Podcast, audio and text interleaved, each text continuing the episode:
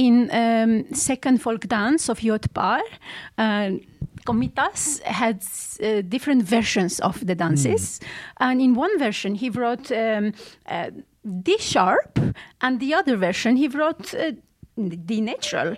And Okay, that was yeah. obvious that he just can't decide on piano.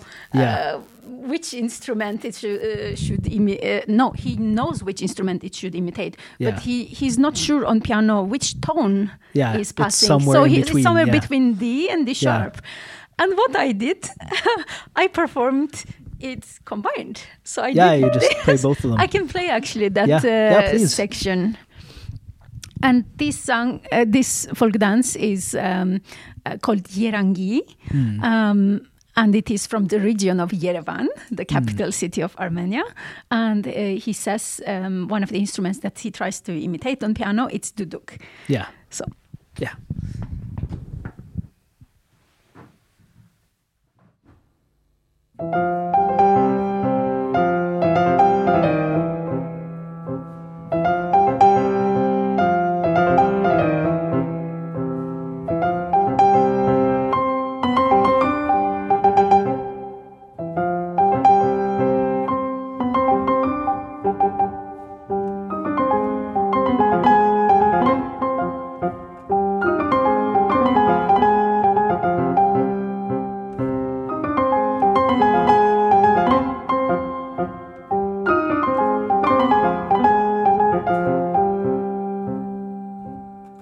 Would you mind actually just uh, doing it again and pausing right on the uh, on that uh, those that minor second as well, just yes, so they can I catch can it because it's very subtle, which is uh, very cool.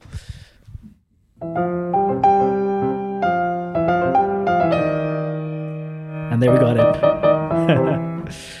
ah, very nice. And I enjoy so much those Yeah. dissonances. Mm. And as Khachaturian would say, uh, those dissonances sounds to me as perfect consonances. Yes, exactly. Because I have this um, sound in my ears because I, I grew up listening those Hmm. uh, instruments and uh, I don't perceive them as uh, disturbing or bothering.